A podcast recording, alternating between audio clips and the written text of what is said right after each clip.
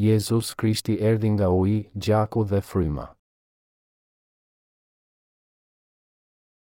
Një Gjoni 5, një, 12 Kushdo që beson se Jezusi është Krishti, ka lindur nga Perëndia dhe kushdo që do atë që e ka ngjizur, do edhe atë që ka qenë ngjizur nga Ai. Nga kjo ne dimë t'i duam bijtë e Perëndisë, kur duam Perëndinë dhe zbatojmë urdhërimet e Tij.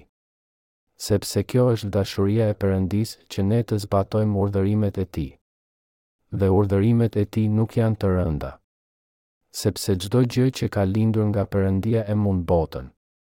Dhe kjo është fitorja që e mundi botën, besimi ynë. Cili është ai që e mund botën, veç ai që beson se Jezusi është Biri i Perëndisë? Ky është ai që erdhi me anë të ujit dhe të gjakut, Jezus Krishti, jo vetëm me anë të ujit, por me anë të ujit e me anë të gjakut. Dhe Fryma është ai që dëshmon, sepse Fryma është e vërteta. Sepse tre janë ata që dëshmojnë në qiell, Ati, Fjala dhe Fryma e Shenjtë, dhe këta të tre janë një. Edhe tre janë ata që dëshmojnë mbi dhe, Fryma, uji dhe gjaku, dhe këta të tre janë të një mendimi. Në qoftë se ne pranojmë dëshminë e njerëzve, dëshmia e Perëndisë është më e madhe, sepse kjo është dëshmia e Perëndisë që Ai dha për Birin e Tij. Ai që beson në Birin e Perëndisë ka këtë dëshmi në vetvete, ai që nuk beson te Perëndia, e ka bërë atë gënjeshtar, sepse nuk i besoi dëshmisë që Perëndia dha për Birin e Tij. Dhe dëshmia është kjo, Perëndia na dha jetën e përjetshme dhe kjo jetë është në Birin e Tij. Ai që ka Birin, ka jetën, ai që nuk ka Birin e Perëndisë, nuk ka jetën. Nga se erdhi Jezusi? Nga uji, gjaku dhe fryma. A erdhi Jezusi nga uji? Po, erdhi. Ai erdhi nga pagëzimi i tij. Uji është pagëzimi i Jezusit nga Gjon Pagëzori në lumin Jordan. ishte pagëzimi i shëlbimit me të cilin ai i hoqi të gjitha mëkatet e botës. A erdhi Jezusi nga gjaku? Po, erdhi. Ai erdhi në mishin e njeriut dhe u pagëzua që të hiqte të gjitha mëkatet e botës dhe pastaj bëri pagesën e mëkatit duke derdhur gjak në kryq. Jezusi erdhi nga gjaku. A erdhi Jezusi nga fryma? Po, erdhi. Jezusi ishte Perëndi, por ai erdhi si fryma në mish që të bëhej Shpëtimtari i mëkatarëve. Shumë njerëz nuk besojnë se Jezusi erdhi nga uji, nga gjaku dhe nga fryma. Vetëm disa besojnë se Jezusi është me të vërtetë Mbreti i mbretërve, Perëndia e perëndive. Shumica e njerëzve akoma dyshojnë, A është Jezusi me të vërtetë Biri i Perëndisë apo është biri i njeriut? dhe shumë, duke përfshirë teologët dhe priftërinjtë, besojnë në Jezus më shumë si një njeri sesa si Perëndia, Shpëtimtari dhe Qenia absolute. Por Perëndia tha se kushdo që beson se Jezusi është Mbreti i të gjithë mbretërve, Perëndia i vërtetë dhe Shpëtimtari i vërtetë, do të ngjizej prej tij. Ata që e duan Perëndinë, e duan Jezusin dhe ata që me të vërtetë besojnë në Perëndi, e duan Jezusin në të njëjtën mënyrë. Njeriu nuk mund ta mund botën. Apostulli Gjon na tha se vetëm të krishterët e vërtetë mund ta mundin botën. Arsyeja që vetëm besimtarët e mundin botën është se ata kanë besim në ujin, gjakun dhe në frymën e Jezusit. Fuqia për të mundur botën nuk mund të motivohet nga vullneti, orvajtjet apo entuziazmi i njeriut. Edhe sikur të flisja gjuhët e njerëzve dhe të engjëjve, por të mos kisha dashuri, atëherë do të isha kthyer në një bronz që kumbon ose në një dajre që tingëllon. Po të kisha dhunti për profeci dhe t'i dija të gjitha misteret dhe gjithë diturinë dhe po të kisha besim të madh sa të lëvizja malet, por të mos kisha dashuri, atëherë do të isha një hiç. Edhe po t'ua ndaja të gjitha pasuritë e mia të varfërve dhe po ta jepja trupin tim që të digjej, por të mos kisha dashuri, nuk do të më vlente asgjë një Korintasve trembëdhjetë, një, tre. Dashuria e përmendur këtu i referohet Jezusit që erdhi nga uji, nga gjaku dhe nga fryma. Vetëm ai që beson në ujin dhe në gjakun mund ta mund botën. Kush mund ta mund botën? ai që beson në shëlbimin e pagëzimit të Jezusi, të gjakut dhe të frymës. Tek një Gjoni pesë, pesë, gjashtë kemi, Cili është ai që e mund botën, veç ai që beson se Jezusi është Biri i Perëndisë? Ky është ai që erdhi me anë të ujit e gjakut, Jezus Krishti. Miq të krishterë, ai që mundi botën, që mundi Satanin ishte Jezus Krishti. Ai që beson në fjalën e ujit, gjakut dhe të frymës së Jezusit gjithashtu do ta mund botën. Si e mundi botën Jezusi? Nëpërmjet shëlbimit të ujit, gjakut dhe frymës. Uji në Bibël i referohet pagëzimit të Jezusit një Pjetri tre, njëzet e një. Jezusi erdhi në këtë botë në mish. Ai erdhi të shpëtonte mëkatarët e botës, Ai u pagëzua që t'i hiqte mëkatet e të gjithë mëkatarëve të botës dhe Ai vdiq në kryq që të shlyente për ato mëkate. Gjaku në kryq ka lidhje me faktin që Ai erdhi në këtë botë me trupin e një njeriu. Ai erdhi në formën e trupit të njeriut për të shpëtuar mëkatarët dhe u pagëzua me ujë. Prandaj Jezusi erdhi tek ne si nga uji, ashtu dhe nga gjaku. Me fjalë të tjera, Ai i hoqi të gjitha mëkatet e botës me ujin e pagëzimit të Tij dhe me gjakun e vdekjes së Tij. Si arriti Satani që të sundonte mbi botë? Satani bëri që njerëzimi të dyshonte Fjalën e Perëndisë dhe mbolli farat e mosbindjes në zemrat e tyre. Me fjalë të tjera, Satani i ktheu njerëzit në shërbëtorët e tij duke i mashtruar ata në moszbatimin e fjalëve të Perëndisë. Sidoqoftë, Jezusi erdhi në këtë botë dhe i fshiu të gjitha mëkatet e njerëzve me ujin e pagëzimit të tij dhe të gjakut të tij në kryq. Ai e mposhti Satanin dhe i fshiu të gjitha mëkatet e botës. Kjo ndodhi meqënëse Jezus Krishti ishte Shpëtimtari i mëkatarëve. Ai u bë Shpëtimtari ynë sepse ai erdhi nga uji dhe gjaku. Jezusi i hoqi të gjitha mëkatet e botës me anë të pagëzimit të shëlbimit të tij. Çfarë do të thotë që Jezusi mundi botën? Do të thotë që Ai hoqi të gjitha mëkatet e botës. Meqënëse Jezusi u pagëzua për të hequr të gjitha mëkatet e botës dhe vdiq në mish si njeri për të shlyer të gjitha mëkatet tona, Ai ishte në gjendje që të na çlironte të gjithëve nga mëkatet. Meqenëse Jezusi u pagëzua në lumin Jordan nga Gjon Pagëzori, përfaqësuesi i të gjitha qenieve njerëzore, të gjitha mëkatet e botës i kaluan atij. Ai dha jetën e tij në kryq për ta paguar mëkatin. Meqenëse ai vdiq dhe u ringjall nga vdekja, ai e mposhti fuqinë e Satanit. Ai e pagoi mëkatin me vdekjen e tij. Jezusi erdhi tek mëkatarët me anë të ujit të pagëzimit dhe të gjakut në kryq. Apostulli Gjon tha se shëlbimi nuk vjen vetëm prej ujit, por prej ujit dhe prej gjakut. Në këtë mënyrë, meqë Jezusi i ka hequr të gjitha mëkatet dhe i ka larguar mëkatet tona përgjithmonë, të gjithë mëkatarët do të shpëtohen nga mëkati vetëm duke besuar në të dhe duke qenë besnik i fjalëve të tij. Si e mundi ai fuqinë e Satanit? nëpërmjet pagëzimit të tij, gjakut dhe frymës. Kur Jezusi zbriti në këtë botë, ai, jo vetëm që hoqi mëkatet tona, por gjithashtu na shpëtoi nga mëkati duke rrjedhur gjak për vdekje në kryq. Ai hoqi të gjitha mëkatet tona nëpërmjet pagëzimit të tij në Jordan dhe bëri pagesën e atyre mëkateve në kryq, ai pagoi për mëkatet tona me vdekjen e tij. Dhe profecia e ligjit të drejtë të Perëndisë e cila thotë se paga e mëkatit është vdekja Romakëve gjashtë, njëzet e tre, u përmbush. Çfarë deshte të thoshte Jezusi me mundjen e botës? Që besimi që mund botën është besimi në ungjillin e shëlbimit që na solli Jezusi me anë të ujit dhe gjakut. Ai erdhi në formën e mishit dhe dëshmoi për shpëtim me pagëzimin e tij të ujit dhe me vdekjen e tij në kryq. Jezusi e mundi botën, domethënë Satanin. Dishepujt e Kishës së Hershme qëndronin të patundur përballë martirizimit pa iu dhënë perandorisë romake apo as edhe ndonjë tundimi të kësaj bote.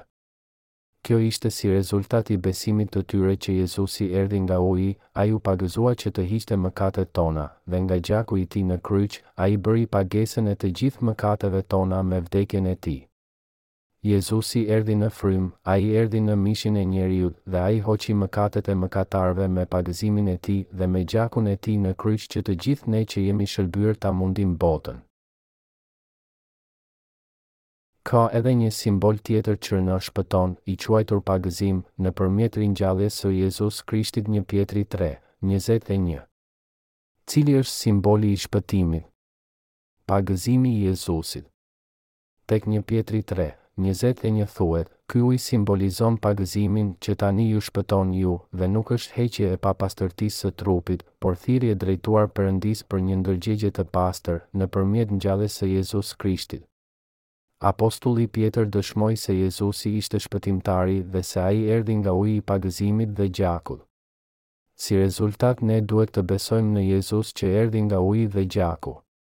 Dhe ne duhet ta dimë se uji i pagëzimit të Jezusit është simboli që na shpëton. Apostulli Pjetër na tha se uji i pagëzimit, gjaku dhe fryma janë faktorët absolutë në shëlbim. Asnjë nga dishepujt nuk besuan në gjakun e kryqit pa pagëzimin e Jezusit. Të besosh në gjak është të zotërosh vetëm gjysmën e besimit të vërtetë. Besimi gjysmak ose i paplotë venitet me kalimin e kohës. Por besimi i atyre që besojnë në Ungjillin e Ujit, Gjakut dhe Frymës do të shtohet fuqishëm me kalimin e kohës.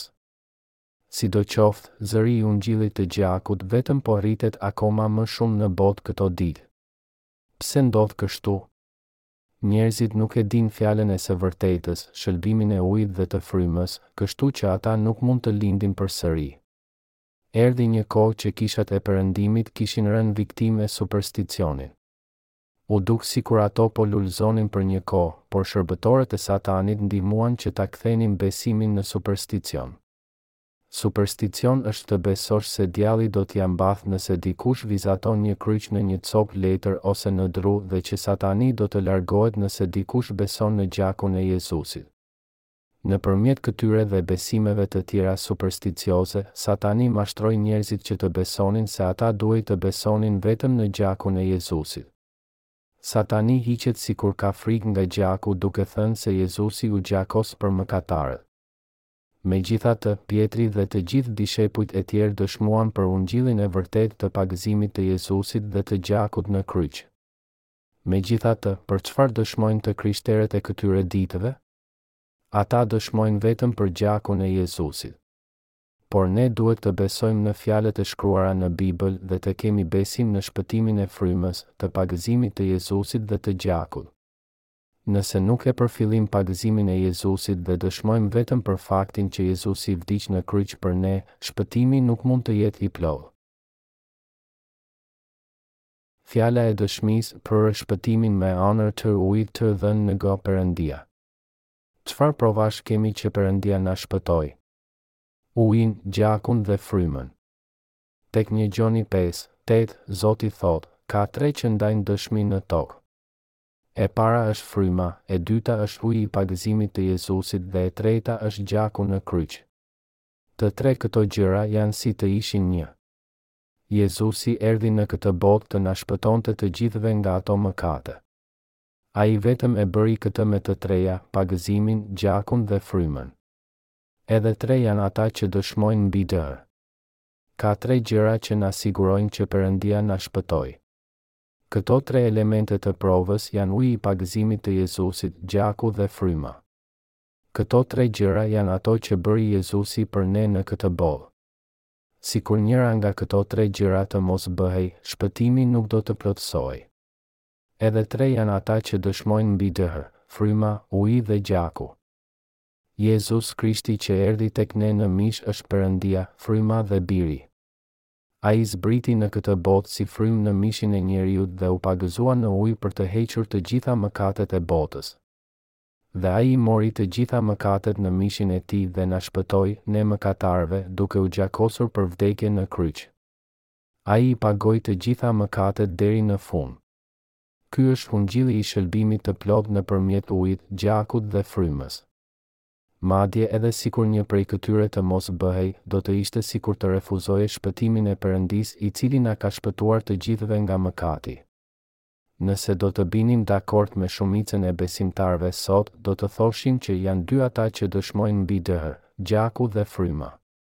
Por apostulli Gjon tha se ishin tre ata që dëshmuan, uji i pagëzimit të Jezusit, gjaku në kryq dhe fryma. Apostulli Gjon ishte shumë i qartë në dëshminë e tij. Besimi që shëlben një mëkatar është besimi në frymën, ujin dhe gjakun. Ku është besimi që e mundëson njeriun të mundë botën? Është pikërisht këtu. Është që të besosh në Jezus, i cili erdhi nga uji, nga gjaku dhe nga fryma. Ki besim në ta dhe merr shpëtim dhe jetë të përjetshme. A është i përsosur shpëtimi pa pagëzimin e Jezusit? Jo.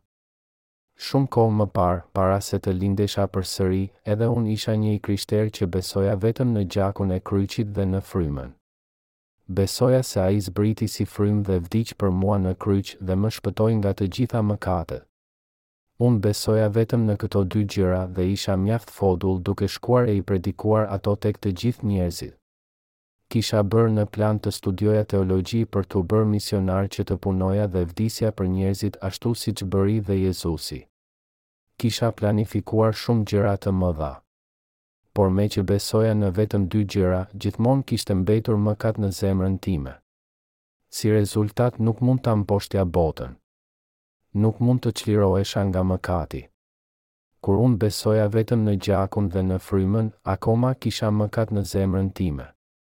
Arsyeja që akoma kisha mëkat në zemrën time edhe pse besoja në Jezus ishte që nuk e dija rreth ujit, pagëzimit të Jezusit.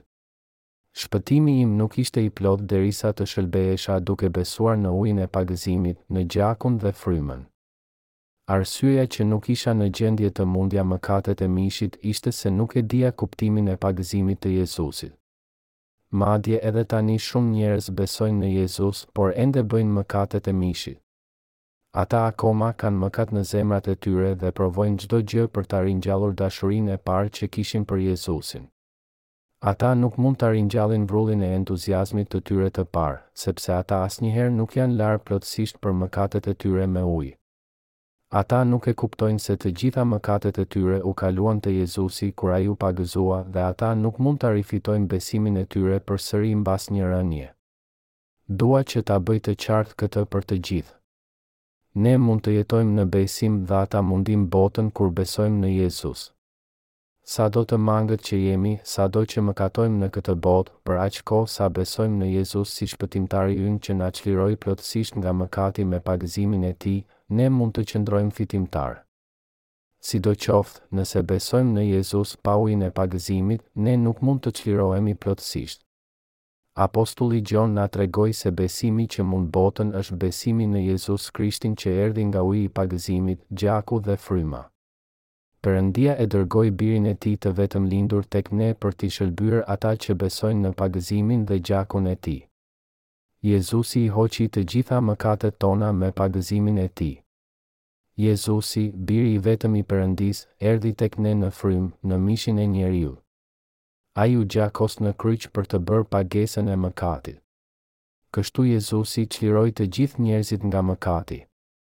Besimi që na çon ne tek mposhtja e botës vjen nga besimi në të vërtetën që Jezusi erdhi nga uji, gjaku dhe fryma dhe na çliroi plotësisht nga të gjitha mëkatet. Nëse nuk do të kishte qenë uji i pagëzimit dhe gjaku në kryq, nuk do të kishte shpëtim të vërtetë.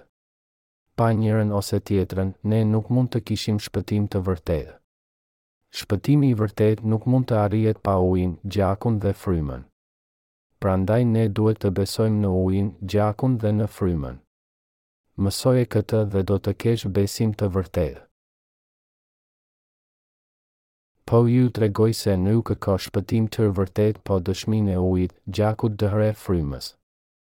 Cilët janë tre elementet themelorë që ndajnë dëshminë e shpëtimit? Uji, gjaku dhe fryma. Ndonjë mund ta mendojë pyetjen e mësipërme kështu, Jezusi është Shpëtimtari im. Unë besoj në gjakun në kryq dhe dua të vdes si martir. Besoj në Jezus edhe pse kam mëkat në zemër. Jam penduar zellshmërisht dhe jam përpjekur shumë që të sillem në një mënyrë të mirë, të drejtë dhe mirëbërëse çdo ditë. Unë kam dhënë jetën dhe çdo gjë materiale që zotëroj për ty madje akoma nuk jam martuar. Si ka mundësi që Perëndia nuk më njeh mua? Jezusi vdiq për mua në kryq. Perëndia ynë i shenjtë zbriti si një njeri dhe vdiq për ne në kryq. Unë të besova, sakrifikova për ty dhe e bëra punën time për ty me besim. Edhe pse mund të jem i padenjë dhe akoma kam pak mëkat në zemër, a do të më dërgojë Jezusi në ferr për këtë? Jo, ai nuk do ta bëjë këtë. Ka kaq shumë njerëz si ky person. Ata janë ata që nuk besojnë se Jezusi u pagëzua për të hequr të gjitha mëkatet e botës. Ku shkojnë këta njerëz që besojnë në Jezus, por që akoma kanë mëkat? Ata shkojnë në ferr. Ata janë mëkatarë. Ata që mendojnë si të duan dhe që supozojnë që edhe Perëndia duhet të mendojë njëlloj, do të shkojnë në ferr. Aq më tepër, disa thonë se meqenëse Jezusi e hoqi të gjithë mëkatin kur ai vdiq në kryq, nuk ka më mëkat në botë. Sidoqoftë, kjo është vetëm kur flitet për gjakun dhe frymën. Ky nuk është besimi që i çon njerëzit në shëlbim të plotë. Ne duhet të besojmë se Jezusi i hoqi mëkatet tona me pagëzimin e tij, u gjykua dhe vdiq në kryq për ne dhe se ai u ringjall tri ditë mbas vdekjes së tij. Pa një besim të tillë, shëlbimi i plotë nuk do të ishte i mundur. Jezus Krishti u pagëzua, vdiq në kryq dhe u ringjall.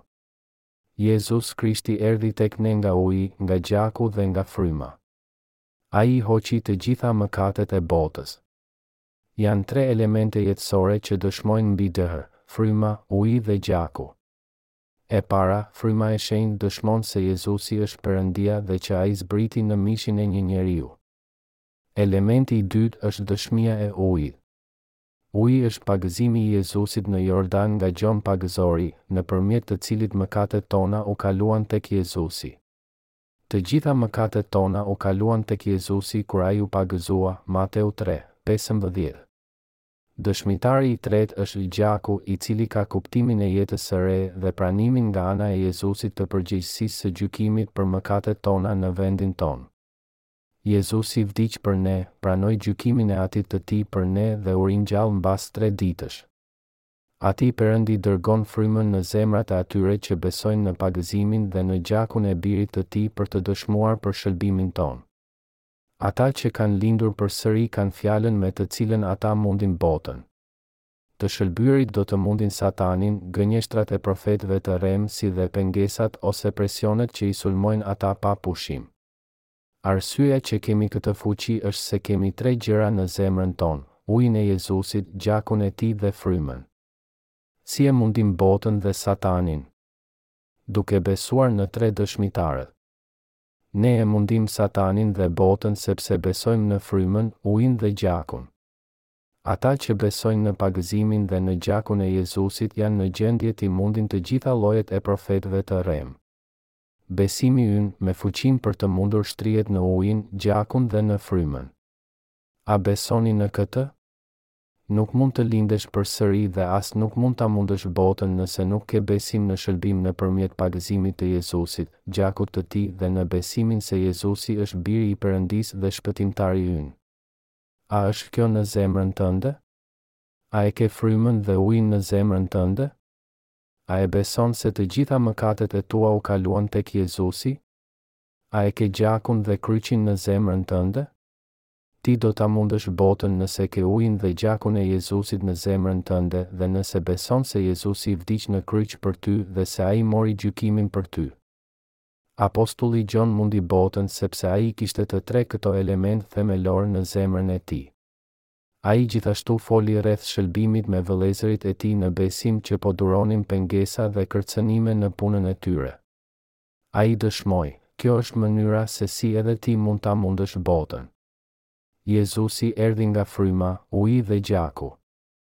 Ashtu siç e mundi botën ai, po ashtu edhe besimtarët do ta mundin botën. Kjo është rruga e vetme për besimtarët që ta mundin botën.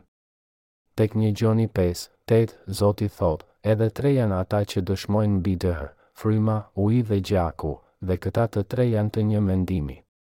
Shumë njerëz akoma flasin rreth gjakut dhe frymës, por ata e lënë jashtë ujin e pagëzimit të Jezusit. Në qoftë se e heqin ujin, ata përsëri mashtrohen nga Satani. Ata duhet të dalin nga vetvetja e mashtruar dhe të pendohen, ata duhet të besojnë në ujin e pagëzimit të Jezusit, në lindjen përsëri. Asnjë nuk mund ta mund botën pa besuar në ujin dhe në gjakun. Po jua them përsëri, asnjë. Ne duhet të luftojmë duke përdorur ujin dhe gjakun e Jezusit si armët tona. Fjala e tij është shpata e frymës, drita. Ka akoma shumë që nuk besojnë në pagëzimin e Jezusit që lau të gjitha mëkatet e tyre. Ka akoma shumë që besojnë vetëm në dy gjëra. Kur Jezusi u thotë atyre të çohen e të shkëlqejnë, ata nuk mund të shkëlqejnë. Ata akoma kanë mëkat në zemrat e tyre. Edhe pse besojnë në Jezus, ata përsëri do të shkojnë në ferr. Duhet të dëshmojmë për ungjillin e pagëzimit dhe të gjakut të Jezusit, që njerëzit të mund të dëgjojnë, besojnë dhe të shpëtohen. A është besimi në pagëzim vetëm një lloj dogme? Jo, nuk është dogmë. Është e vërteta. Kur dëshmojmë për ungjillin është e vështirë të jesh i përcaktuar. Jezusi erdhi nga fryma, nga pagëzimi, që hoqi mëkatet tona, dhe nga gjaku, që pagoi për mëkatet tona.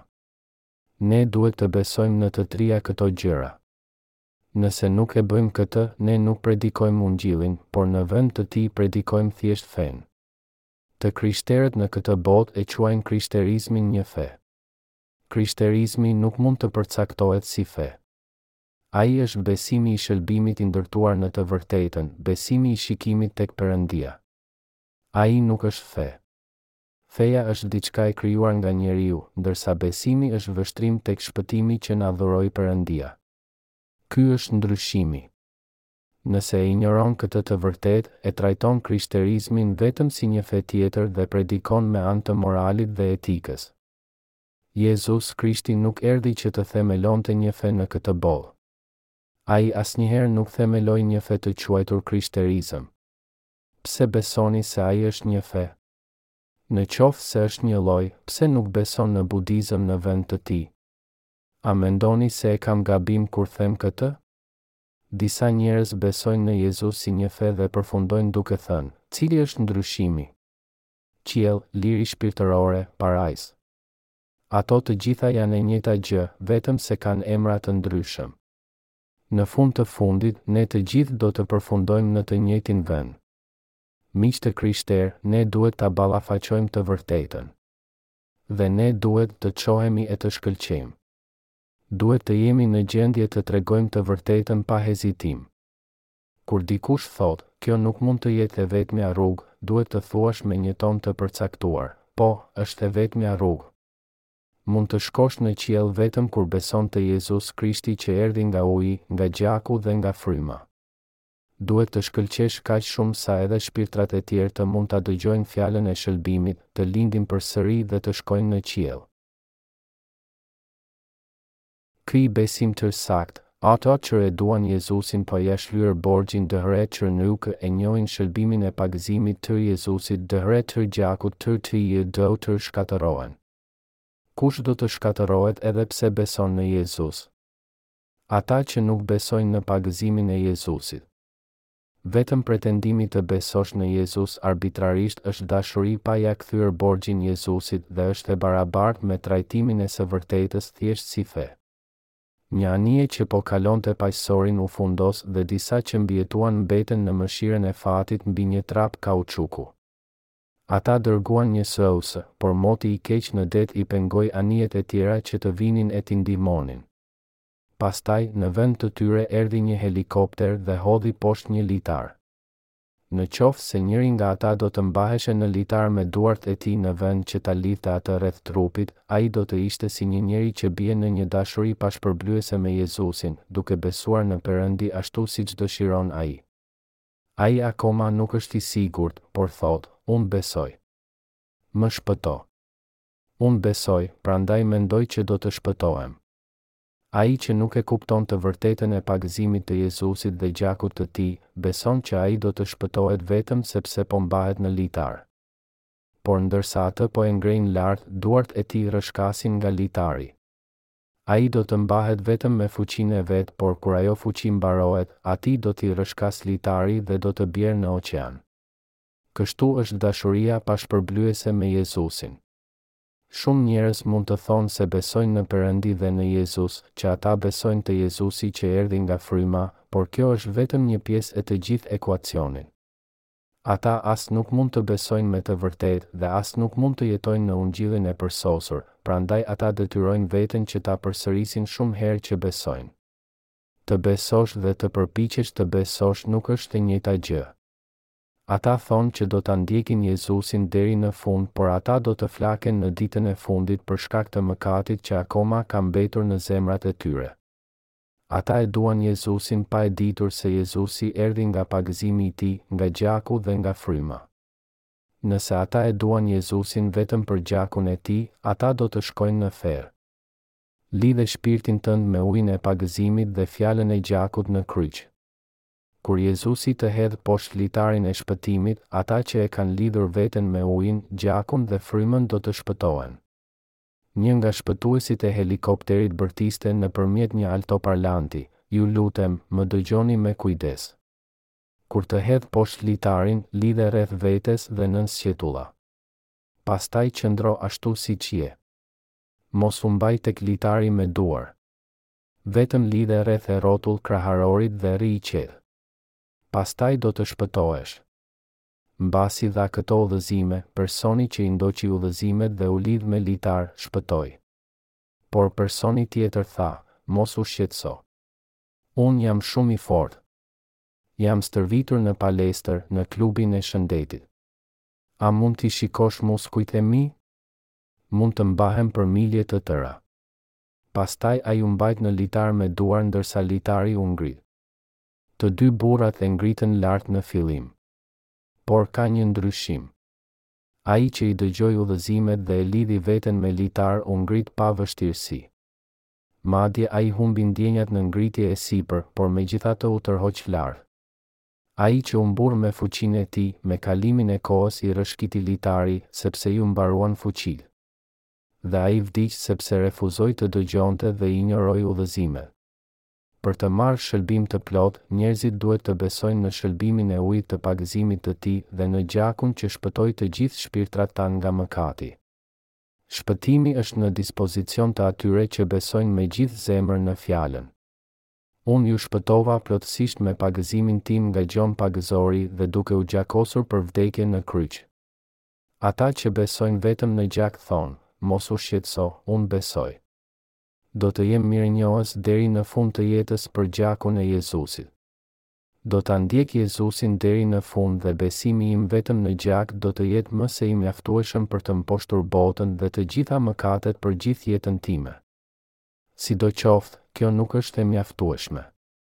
Ata që Perëndia i dëshmon si njerëzit e tij janë ata që besojnë në të treja gjërat, që Jezusi erdhi nga fryma dhe u pagëzua, Jezusi hoqi të gjitha mëkatet me pagëzimin e tij në Jordan, që ai vdiq në kryq për të bërë pagesën e të gjitha mëkateve dhe që ai u ringjall nga të vdekuri. Fryma vjen vetëm tek ata që besojnë në të treja dhe që dëshmojnë për to, Po, jam shpëtimtari juaj. Ju shpëtova me ujin dhe gjakun. Jam Perëndia juaj. Por Perëndia nuk u jep shpëtim atyre që nuk besojnë në të treja këto. Edhe sikur njëra prej tyre të lihet mënjanë, Perëndia thotë, Jo, nuk jeni shpëtuar. Të gjithë dishepujt e tij besuan në të treja. Jezusi tha se pagëzimi i tij është dëshmia për shpëtim dhe që gjaku i tij është gjykimi. Apostulli Paul dhe Pjetër gjithashtu ndanë dëshmi për pagëzimin dhe gjakun e Jezusit. Për çfarë dëshmuan dishepujt e Jezusit? Për pagëzimin e Jezusit dhe gjakun e tij. A foli apostulli Pal rreth pagëzimit të Jezusit? Le të shikojmë sa herë foli ai rreth pagëzimit të Jezusit. Tek Romakët gjashtë, tre ai tha, Apo nuk e dini se të gjithë ne që u pagëzuam në Krishtin Jezus jemi pagëzuar në vdekjen e tij? Dhe në gjashtë, pesë tha, Sepse po të bashkohemi me të në një vdekje të ngjashme me të tijën, po ashtu do të jemi edhe në ngjalljen e tij. Gjithashtu tek Galatasve tre, njëzet e shtatë tha, Sepse të gjithë ju që jeni pagëzuar në Krishtin, jeni të veshur me Krishtin. Apostujt e Jezusit dëshmuan rreth ujit, pagëzimit të Jezusit. Ky ujë simbolizon pagëzimin, që tani na shpëton, një Pjetri tre, njëzet e një. Shpëtimi i shëlbimit të Zotit erdhi nga uji dhe gjaku i Jezusit. Kë quan Perëndia të drejtë? Njeriun që nuk ka asnjë mëkat në zemrën e tij. Shëlbimi që Jezusi i dhuroi njeriut është uji i pagëzimit të Jezusit dhe të gjakut të tij në kryq. Me anë të këtij shëlbimi ne duhet të çohemi e të shkëlqejmë. Si? Duke dëshmuar rreth këtyre tre gjërave. Çohu dhe shkëlqe. Perëndia ka ndriçuar dritë mbi ne dhe na thotë edhe neve të ndriçojmë. Duhet t'i bindemi këtij urdhëri. Shumë njerëz nuk dëgjojnë. Ne duhet të predikojmë Ungjillin me gjithë forcën. Beso në Jezus dhe do të shëlbehesh. Do të bëhesh i drejtë. Nëse akoma ke mëkat në zemër, akoma nuk je i drejtë. Akoma nuk i ke mundur mëkatet e botës. Asnjëherë nuk mund ta heqësh mëkatin në zemrën tënde nëse nuk beson në ujin e Jezusit, pagëzimin e Jezusit. Asnjëherë nuk mund ta shmangësh gjykimin nëse nuk beson në gjakun e Jezusit. Asnjëherë nuk mund të shpëtohesh nëse nuk beson në Jezus, i cili erdhi nga fryma. Asnjëherë nuk mund të bëhesh plotësisht i drejtë nëse nuk beson në të tre dëshmitarët. Drejtësia e pamjaftueshme vetëm të çon në të ashtuquajturën drejtësi. Nëse dikush thotë që ai akoma ka mëkat, por e konsideron veten një njeri të drejtë, ai nuk është në Jezus akoma. Disa njerëz këto ditë përpiqen që ta varin shëlbimin në të ashtuquajturën drejtësi. Ata kanë shkruar me qindra artikuj të pavlefshëm me këtë temë. A e quan Perëndia një njeri pa mëkat nëse ka mëkat në zemrën e tij? Ai nuk e bën këtë gjë. Ai e quan atë ashtu siç e shikon. Ai është i plotfuqishmi, por ai asnjëherë nuk mund të gënjejë. Njerëzit nuk e kuptojnë kuptimin e vërtetë të drejtësisë. Ne quajmë diçka të pastër vetëm kur është e pastër.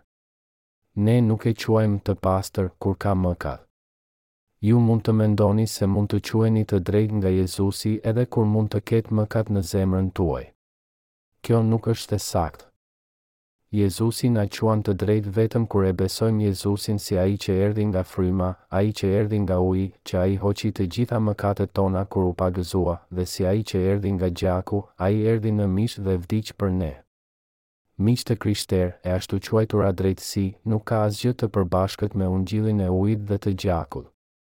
E ashtuquajtura, ose ajo që quhet e drejtë, është një dogmë që ka lindur nga njerëzimi. A të quan Perëndia të drejtë nëse ke mëkat në zemër?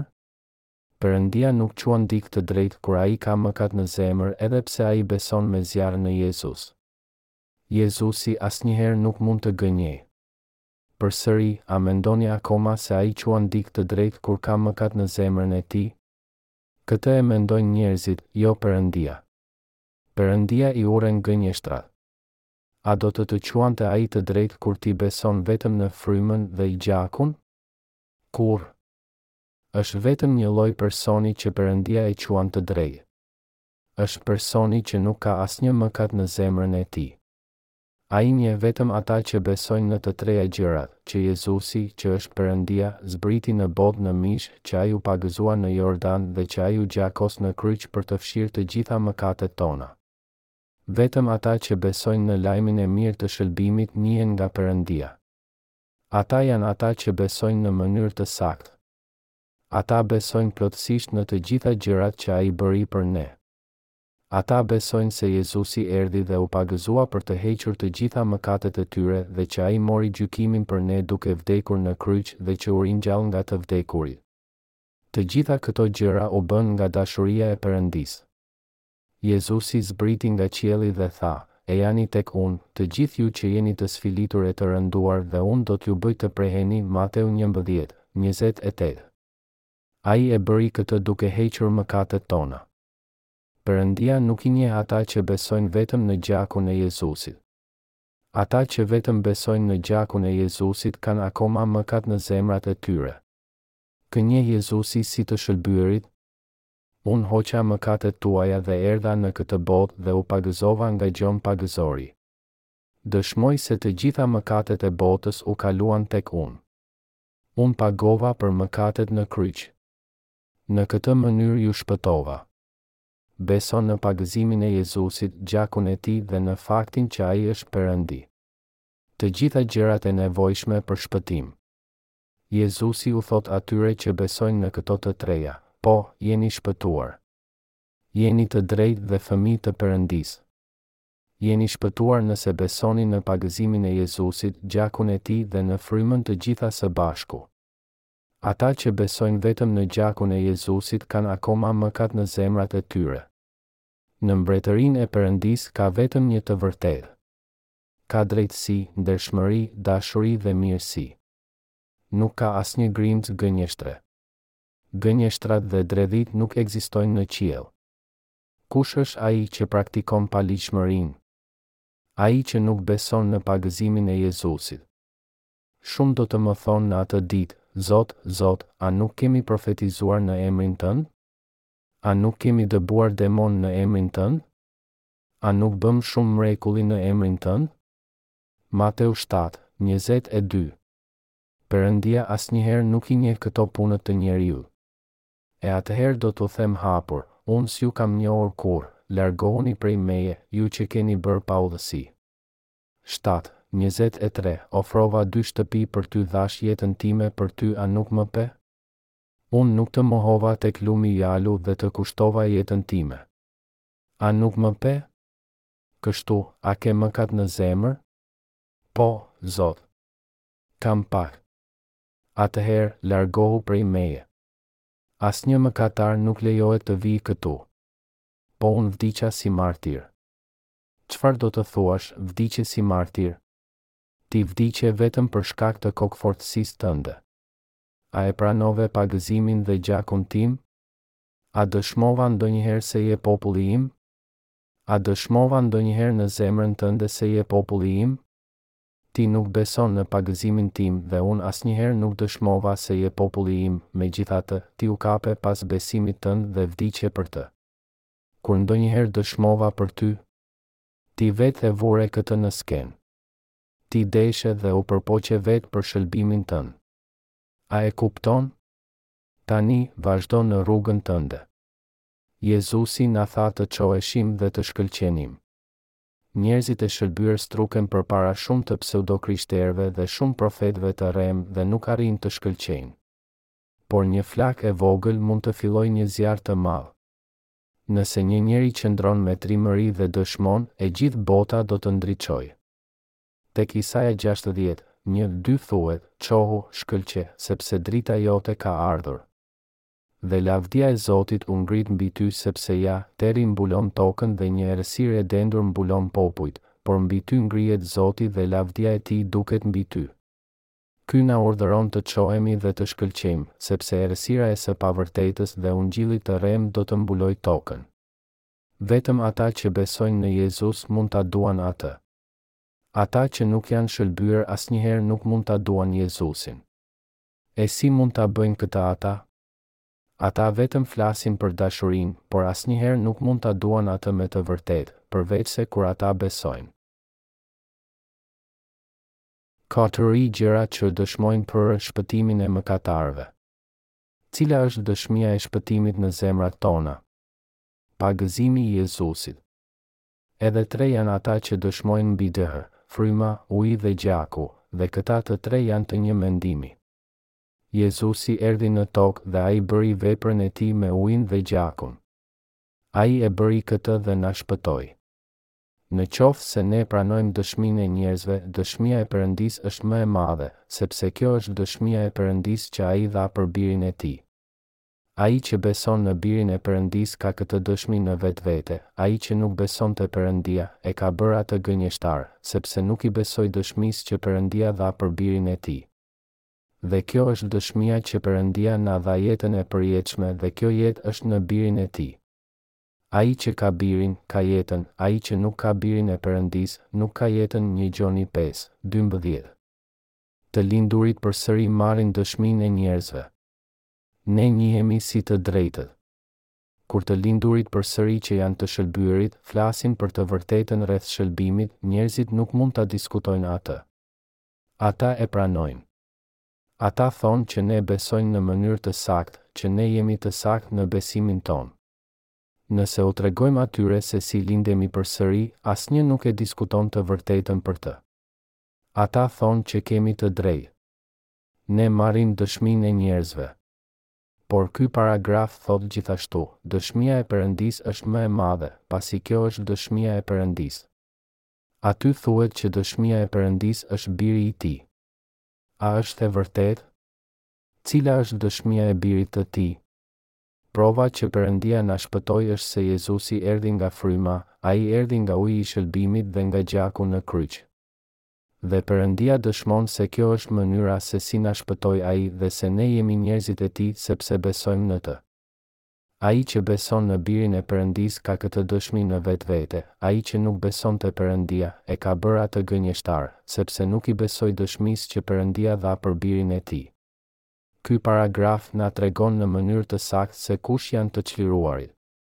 Aty thuhet se ai që beson në Birin e Perëndisë ka dëshminë brenda vetes. A e ke dëshminë në zemër? Ajo është në mua dhe në ty Perëndia zbriti në tokë për ne. Ai erdhi në mish nëpërmjet trupit të Maries. Kur ai ishte tridhjetë vjeç, u pagëzua për të marrë mbi vete të gjitha mëkatet tona. Dhe me të gjitha mëkatet tona, ai u gjykua në kryq. Ai u ngjall pas tri ditëve për të na dhënë jetë të përjetshme. Kështu Jezusi na shpëtoi. Çfarë do të kishte ndodhur nëse Ai nuk do të ringjallej? Si do të dëshmonte Ai në varr për mua? Prandaj Ai është Shpëtimtari im. Kjo është ajo që besojmë ne.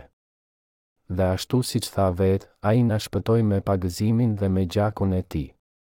Dhe meqë besojmë, ti dhe unë jemi shpëtuar. Dëshmia është brenda meje dhe brenda teje. Të shëlbyerit asnjëherë nuk e shpërfillin ujin e pagëzimit të Tij. Ne asnjëherë nuk i lëmë mënjanë gjërat që bëri Ai për të na shpëtuar. Kështu duhet të veprojmë që të përmbushet çdo drejtësi Mateu tre, pesëmbëdhjetë. Ne asnjëherë nuk e mohojmë që Jezusi hoqi të gjitha mëkatet tona në Jordan kur u pagëzua nga Gjon Pagëzori. Të shëlbyerit asnjëherë nuk e mohojnë ujin, pagëzimin e Jezusit. Ata që besojnë por që nuk janë shëlbyer, e mohojnë deri në fund pagëzimin e Jezusit. Kush e bën Perëndinë gënjeshtar? Ai që nuk beson në pagëzimin e Jezusit. Sa i saktë ishte ai kur apostulli Gjon tha, Ai që nuk e beson Perëndinë e bën atë gënjeshtar. Në qoftë se apostulli Gjon do të jetonte këtu tani, çfarë do t'u thoshte ai të krishterëve? Ai do të pyeste nëse Jezusi i hoqi të gjitha mëkatet tona kur ai u pagëzua. A nuk do të dëshmonte Gjon Pagëzori për Ungjillin që Jezusi na shëlbeu me pagëzimin e tij? A nuk u kaluan mëkatet e tua te koka e Jezusit dhe a nuk i mbajti ai mëkatet e tua në supet e tij kur ai u pagëzua nga unë? Ai do të dëshmonte që Jezusi u pagëzua që të të shpëtonte. Ata që nuk besojnë në Perëndi, që nuk besojnë në çdo gjë që Ai bëri për të na shpëtuar, e bëjnë atë një gënjeshtar. Kur ne themi që Jezusi i hoqi të gjitha mëkatet tona kur u pagëzua, ata thonë, O Zot! Ai nuk mund t'i ketë hequr të gjitha mëkatet tona. Ai vetëm hoqi mëkatin origjinal, prandaj të gjitha mëkatet tona të përditshme akoma qëndrojnë. Ata këmbëngulin se duhet të pendohen çdo ditë dhe të rrëfejnë të gjitha mëkatet e tanishme në mënyrë që të shëlbehen. Kjo është ajo që besojnë ata. A e thoni edhe ju të gjithë këtë? Ata që nuk e besojnë se mëkatet tona u lanë me pagëzimin e Tij, e bëjnë Perëndinë një gënjeshtar. Jezusi na shëlbeu një herë e përgjithmonë kur u pagëzua dhe u gjakos në kryq. Kush po gënjen? Personi që nuk beson në pagëzimin e Jezusit. Ai u pagëzua dhe i hoqi të gjitha mëkatet një herë e përgjithmonë. Perëndia shpëton ata që besojnë në pagëzimin dhe gjakun e Jezusit, por i braktis ata që nuk besojnë. Ata shkojnë në ferr. Prandaj, nëse jemi shpëtuar apo jo, kjo varet se në çfarë besojmë. Jezusi çliroi botën nga të gjitha mëkatet. Ata që besojnë do të shpëtohen dhe ata që nuk besojnë nuk do të shpëtohen, sepse ata e bëjnë Perëndinë gënjeshtar. Njerëzit nuk shkojnë në ferr për shkak të dobësive të tyre, por për shkak të mungesës së besimit. Ai që nuk e beson Perëndinë, e bën atë gënjeshtar. Ata që nuk besojnë se të gjitha mëkatet e tyre iu kaluan Jezusit, akoma kanë mëkat në zemrat e tyre. Ata nuk mund të thonë se nuk kanë mëkat. Një herë takova një dhjak dhe e pyeta, Dhjak, a do të largohen mëkatet nga unë nëse besoj në Jezus? Natyrisht që po. Atëherë, meqë Jezus hoqi të gjitha mëkatet e botës dhe tha se u krye, ti je shpëtuar. A është e vërtetë? Po, jam shpëtuar. Atëherë, ti duhet të jesh pa mëkat. Po, jam. Çfarë ndodh nëse mëkaton përsëri? Epo njerëz jemi.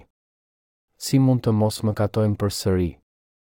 Prandaj ne duhet të pendohemi dhe t'i lajmë mëkatet tona çdo ditë. Ky dhjak akoma ka mëkat në zemrën e tij, sepse ai nuk e di të vërtetën e plotë të shëlbimit. Ata që janë si ai janë po ata që tallin Perëndinë dhe e bëjnë atë një gënjeshtar. A dështoi Jezusi, që është Perëndia t'i zhdukë të gjitha mëkatet e botës? Kjo të nxeh. Nëse Jezus nuk i ka zhdukur të gjitha mëkatet, si mund të jetë ai Perëndia e shpëtimit? Si mund të na thotë ai neve të besojmë në të? A do ta bëni atë një gënjeshtar? Ju sugjeroj të mos ta bëni këtë. Bibla na thotë të mos ta vemë atë në lojë. Kjo do të thotë të mos ta bësh atë gënjeshtar dhe të mos përpiqesh ta mashtrosh atë. Ai nuk është njëlloj si ne. Apostulli Gjon na tregon saktësisht rreth Ungjillit të shëlbimit. Shumë njerëz nuk duan t'i besojnë gjërat që Perëndia bëri për ne, faktin që Jezus Krishti erdhi nga uji, gjaku dhe fryma. Nëse ka nga ata që nuk i besojnë ato që u janë thënë dhe nga ata që i besojnë të gjitha gjërat që Perëndia ka bërë për ne, ata që thonë përpara Perëndisë jam i drejtë dhe të tjerët që thonë jam mëkatar, cilët nga këta po tregojnë të vërtetën? Ata që nuk besojnë në gjërat që bëri Perëndia për ne, dëshminë e ujit, gjakut dhe frymës po gënjejnë. Ata kanë besim të rremë. Ata që nuk besojnë e bëjnë Perëndinë gënjeshtar. Mos e bëj gënjeshtar atë. Jezusi erdhi tek lumi Jordan dhe kështu, duke u pagëzuar, përmbushi çdo drejtësi, hoqi mëkatet e botës. Shpirti i pavërtetë mohon pagëzimin e Jezusit dhe shenjtërinë e Tij. Kë mohojnë Satani dhe Djalli? Pagëzimin e Jezusit. Një besues në Birin e Tij e ka dëshminë brenda vetes. Një njeri i shëlbyer beson se mëkatet e tij u kaluan te Jezusi kur ai u pagëzua dhe beson që ai u çlirua me ujin dhe gjakun e Jezusit. Ai beson se Jezusi lindi në këtë botë nëpërmjet trupit të Maries, që ai u pagëzua në Jordan para se të vdiste në kryq, që ai vdiq dhe u ringjall. Të drejtët kanë dëshminë. Dëshmia e shpëtimit tonë është në besimin tonë në Jezus, që erdhi nga uji, nga gjaku dhe nga fryma. Dëshmia është brenda jush. Ki e dëshminë brenda vetes. Unë ju them. Nuk ka shpëtim nëse nuk ka dëshmi, vërtetësia e shpëtimit është brenda jush. Apostulli Gjon tha, Ai që beson në Birin e Perëndisë ka dëshminë brenda vetes. Të kesh dëshmi, a do të thotë të besosh vetëm në gjakun në kryq? Të besosh në ujin por jo në gjakun? Duhet të besosh në të treja që të njihesh nga Perëndia. Vetëm atëherë Jezusi do të dëshmojë për ty që je shpëtuar. A mos po thua se do të kesh dëshminë nëse beson vetëm në dy? Kjo do të thotë të besosh në Perëndi në mënyrën tënde. Kjo do të thotë të dëshmosh për veten tënde. Ka kaq shumë njerëz si ky person. Ka kaq shumë njerëz në këtë botë që besojnë vetëm në dy gjëra dhe jo në të treja. Ata dëshmojnë se janë shpëtuar dhe shkruajnë libra rreth kësaj. Sa të rrjedhshëm që janë! Është kaq e mërzitshme. Ata e quajnë veten evangjelistë. Ata mendojnë se janë jo vetëm evangjelistët, por besimtarët. Ata nuk besojnë në Ujin, por përsëri mburren me shpëtimin. Sa të logjikshëm që duken. Por ata nuk kanë dëshminë e Perëndisë. Ajo është vetëm një hipotezë. Si mund ta quash atë shpëtim? Vetëm ata që besojnë në Jezus, i cili erdhi nga fryma, uji dhe gjaku kanë dëshminë e Perëndisë dhe njerëzve. Apostulli Pal tha, Sepse ungjilli ynë nuk erdhi te ju vetëm me fjalë, por edhe me fuqi, me frymë të shenjtë dhe me bindje të thellë, një Selanikasve një, pesë. Satani është shumë i lumtur kur njerëzit besojnë vetëm në gjakun e Jezusit. Oh ju budallenj, jeni mashtruar nga unë ha ha. Ka shumë që besojnë se kur njerëzit lavdërojnë gjakun e Jezusit, Satani largohet. Ata mendojnë se Satani ka frikë nga kryqi. Satani vetëm po bën shfaqje. Ne nuk duhet të mashtrohemi nga kjo. Kur një demon hyn brenda dikujt, ai mund të çmendet dhe të nxjerrë shkumë nga goja. Nuk është një punë e vështirë për djallin. Djalli ka fuqi ta bëjë njeriun që të bëjë pothuajse çdo gjë. Djalli vetëm duhet që ta verë pak në punë trurin. Perëndia i dha djallit lloje të ndryshme fuqish me përjashtim të fuqisë për të vrarë. Djalli mund të bëjë dikë të dridhet si një gjethe, të ulërasë dhe të nxjerrë shkumë nga goja. Kur ndodh kjo, besimtarët bërtasin, Largohu në emrin e Jezusit! Largohu! Dhe kur njeriu rifiton ndjenjat e tij dhe kthehet në jetën normale, ata thonë se ishte gjaku i Jezusit që kishte fuqinë. Por kjo nuk është fuqia e gjakut të tij. Është vetëm djalli që po bën shfaqje. Satani dhe djalli janë shumë të frikësuar nga ata që besojnë në Jezus, i cili na ka larë me pagëzimin e tij dhe që mori gjykimin për ne me gjakun e tij dhe mbas tri ditësh u ringjall. Satani nuk do të qëndrojë rreth një dëshmie të pagëzimit të Jezusit dhe të shpëtimit të gjakut. Ashtu siç e dini, priftërinjtë katolikë ndonjëherë e largojnë me lutje Satanin. E kemi parë këtë nëpër filma. Në filmin Oguri, një prift mban një kryq të drunjtë dhe e shkund, por prifti vdes. Dikush që ka lindur përsëri nuk do të asgjësoheshe kështu. Ai do të fliste rreth gjakut dhe ujit të Jezusit. Kur djalli përpiqej ta torturonte atë, ai do ta pyeste djallin, A e di se Jezusi i hoqi të gjitha mëkatet e mia? Pastaj djalli do të largohej. Djalli e urren që të jetë rreth e rrotull të lindurve përsëri. Nëse një i lindur përsëri do të uleshe aty, djalli do të përpiqej t'ia mbathte. Thuhet se ata që nuk besojnë në Perëndi e bëjnë atë një gënjeshtar. Ata nuk besojnë në dëshminë e Birit të Tij, në dëshminë e Ujit dhe të Gjakut. Cila është dëshmia e Birit të Perëndisë? Pagëzimi i Tij, Gjaku i Tij dhe fryma. Çfarë është dëshmia e Birit të Tij? Ajo është që Ai erdhi nga fryma dhe i hoqi mëkatet tona me ujë. Ai i mori të gjitha mëkatet e botës mbi vete dhe u gjakos në kryq për ne. A nuk është ky shëlbimi i ujit, gjakut dhe frymës? Njerëzit thonë gënjeshtra përpara Perëndisë sepse ata nuk besojnë në ungjillin e ujit dhe të gjakut, në ungjillin e shëlbimit. Besimet e tyre janë të rreme dhe ata propagandojnë këto gënjeshtra. Le t'i kthehemi një Gjonit pesë. Vargu njëmbëdhjetë thotë, Dhe dëshmia është kjo, Perëndia na dha jetën e përjetshme dhe kjo jetë është në Birin e tij. Kjo na tregon se Perëndia na ka dhënë jetë të përjetshme dhe jeta është në njeriun që e pranon atë. Gjithashtu kjo jetë është në Birin e Tij. Ata që marrin jetë të përjetshme janë ata që janë shëlbyer duke besuar në pagëzimin e Jezusit dhe në gjakun e Tij. Të shëlbyerit marrin jetë të përjetshme dhe jetojnë përgjithmonë. A ke marrë ti jetë të përjetshme? Në vargun dymbëdhjetë kemi, Ai që ka Birin, ka jetën, ai që nuk ka Birin e Perëndisë, nuk ka jetën. Me fjalë të tjera, ai që beson në gjërat që bëri Biri në tokë. Pagëzimi i tij, vdekja në kryq dhe ringjallja e tij përmbajnë jetë të përjetshme.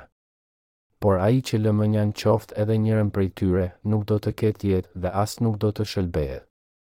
Apostulli Gjon i dalloi njerëzit e Perëndisë duke u bazuar se çfarë besonin ata në gjërat që bënte Jezusi, ujin, gjakun dhe frymën. Këto gjëra na tregojnë nëse ata e kanë Fjalën brenda tyre. Ai i identifikon të shëlbyerit nga besimi i tyre në pagëzimin e Jezusit, gjakun e Tij dhe në frymën. Ata që nuk kanë lindur përsëri nuk mund ta bëjnë dot dallimin midis një deleje dhe një dhije. Kush mund ta bëjë dallimin midis të shëlbyerit dhe të pashëlbyerit? Ai që ka lindur përsëri. Apostulli Gjon i identifikoi në mënyrë të qartë të drejtët që ishin shëlbyer. Edhe apostulli Paul bëri të njëjtën gjë. Si e bëjnë dallimin shërbëtorët e Perëndisë midis një deleje dhe një dhije? Si i dallojnë ata shërbëtorët e vërtetë të Perëndisë nga ata që pretendojnë? Ata që janë shëlbyer duke besuar në ujin dhe gjakun e Jezusit marrin fuqi për të parë. Nëse një burrë është pastor, evangjelist apo ka titullin plak, nëse ai nuk mund të identifikojë të shëlbyerit, nëse ai nuk mund të bëjë dallimin midis një deleje dhe një dhije, ai vetë nuk është çliruar dhe madje as nuk e ka jetën brenda tij. Por ata që janë shëlbyer me të vërtetë mund ta shikojnë ndryshimin. Ata që nuk e kanë jetën brenda tyre, as nuk mund ta shikojnë ndryshimin, dhe as nuk mund ta pranojnë atë. Është sikur të dallosh ngjyrat e ndryshme në errësirë. E gjelbra është e gjelbër dhe e bardha është e bardhë. Në qoftë se ti i mbyll sytë, ti as nuk mund t'i shikosh dhe as mund t'i dallosh ngjyrat. por ata që i kanë sytë hapur mund të njohin madje edhe ndryshimin më të vogël të ngjyrës. Ata mund ta dallojnë se cila është e gjelbër dhe cila është e bardhë. Në mënyrë të ngjashme, ka një diferencë mjaft të dukshme midis të shëlbyerve dhe atyre që nuk janë shëlbyer. Ne duhet ta predikojmë ungjillin e shëlbimit, ungjillin e ujit, të gjakut dhe të frymës. Ne duhet të çohemi dhe të shkëlqejmë. Kur mbledhim njerëz rreth e rrotull nesh për të propaganduar besimin, ne nuk flasim me fjalët e njeriut. Në Bibël, një Gjoni pesë e shpjegon kuptimin e kësaj. Ne duhet ta shpjegojmë hap pas hapi që të mos ketë asnjë konfuzion. Fjala që po propagandojmë, fjala e ujit, gjakut dhe frymës së Jezusit është drita e shëlbimit. T'ia bësh njerëzve të ditur ujin e Jezusit është të shkëlqesh me ndriçim të madh. T'ia bësh njerëzve të ditur gjakun e Jezusit është të shkëlqesh me ndriçim të madh. Ne duhet ta bëjmë shumë të qartë që të mos mbetet asnjë mbi që të mos ta dijë këtë. Nëse të shëlbyerit nuk çohen dhe shkëlqejnë, shumë njerëz do të vdesin pa shëlbim dhe Perëndia nuk do të jetë i kënaqur. Ai do të na quante shërbëtorë dembelë. Ne duhet ta shpërndajmë ungjillin e ujit dhe të gjakut të Jezusit. Arsyeja që po përsërit veten kaq shumë herë është se pagëzimi i Jezusit është shumë i rëndësishëm për shpëtimin tonë.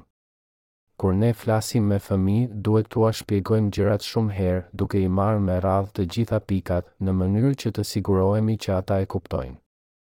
Nëse do të mësonim një njeri analfabet, ndoshta do ta fillonim me alfabetin. Pastaj dalëngadalë do ta mësonim atë si të shkruajë fjalë me këtë alfabet.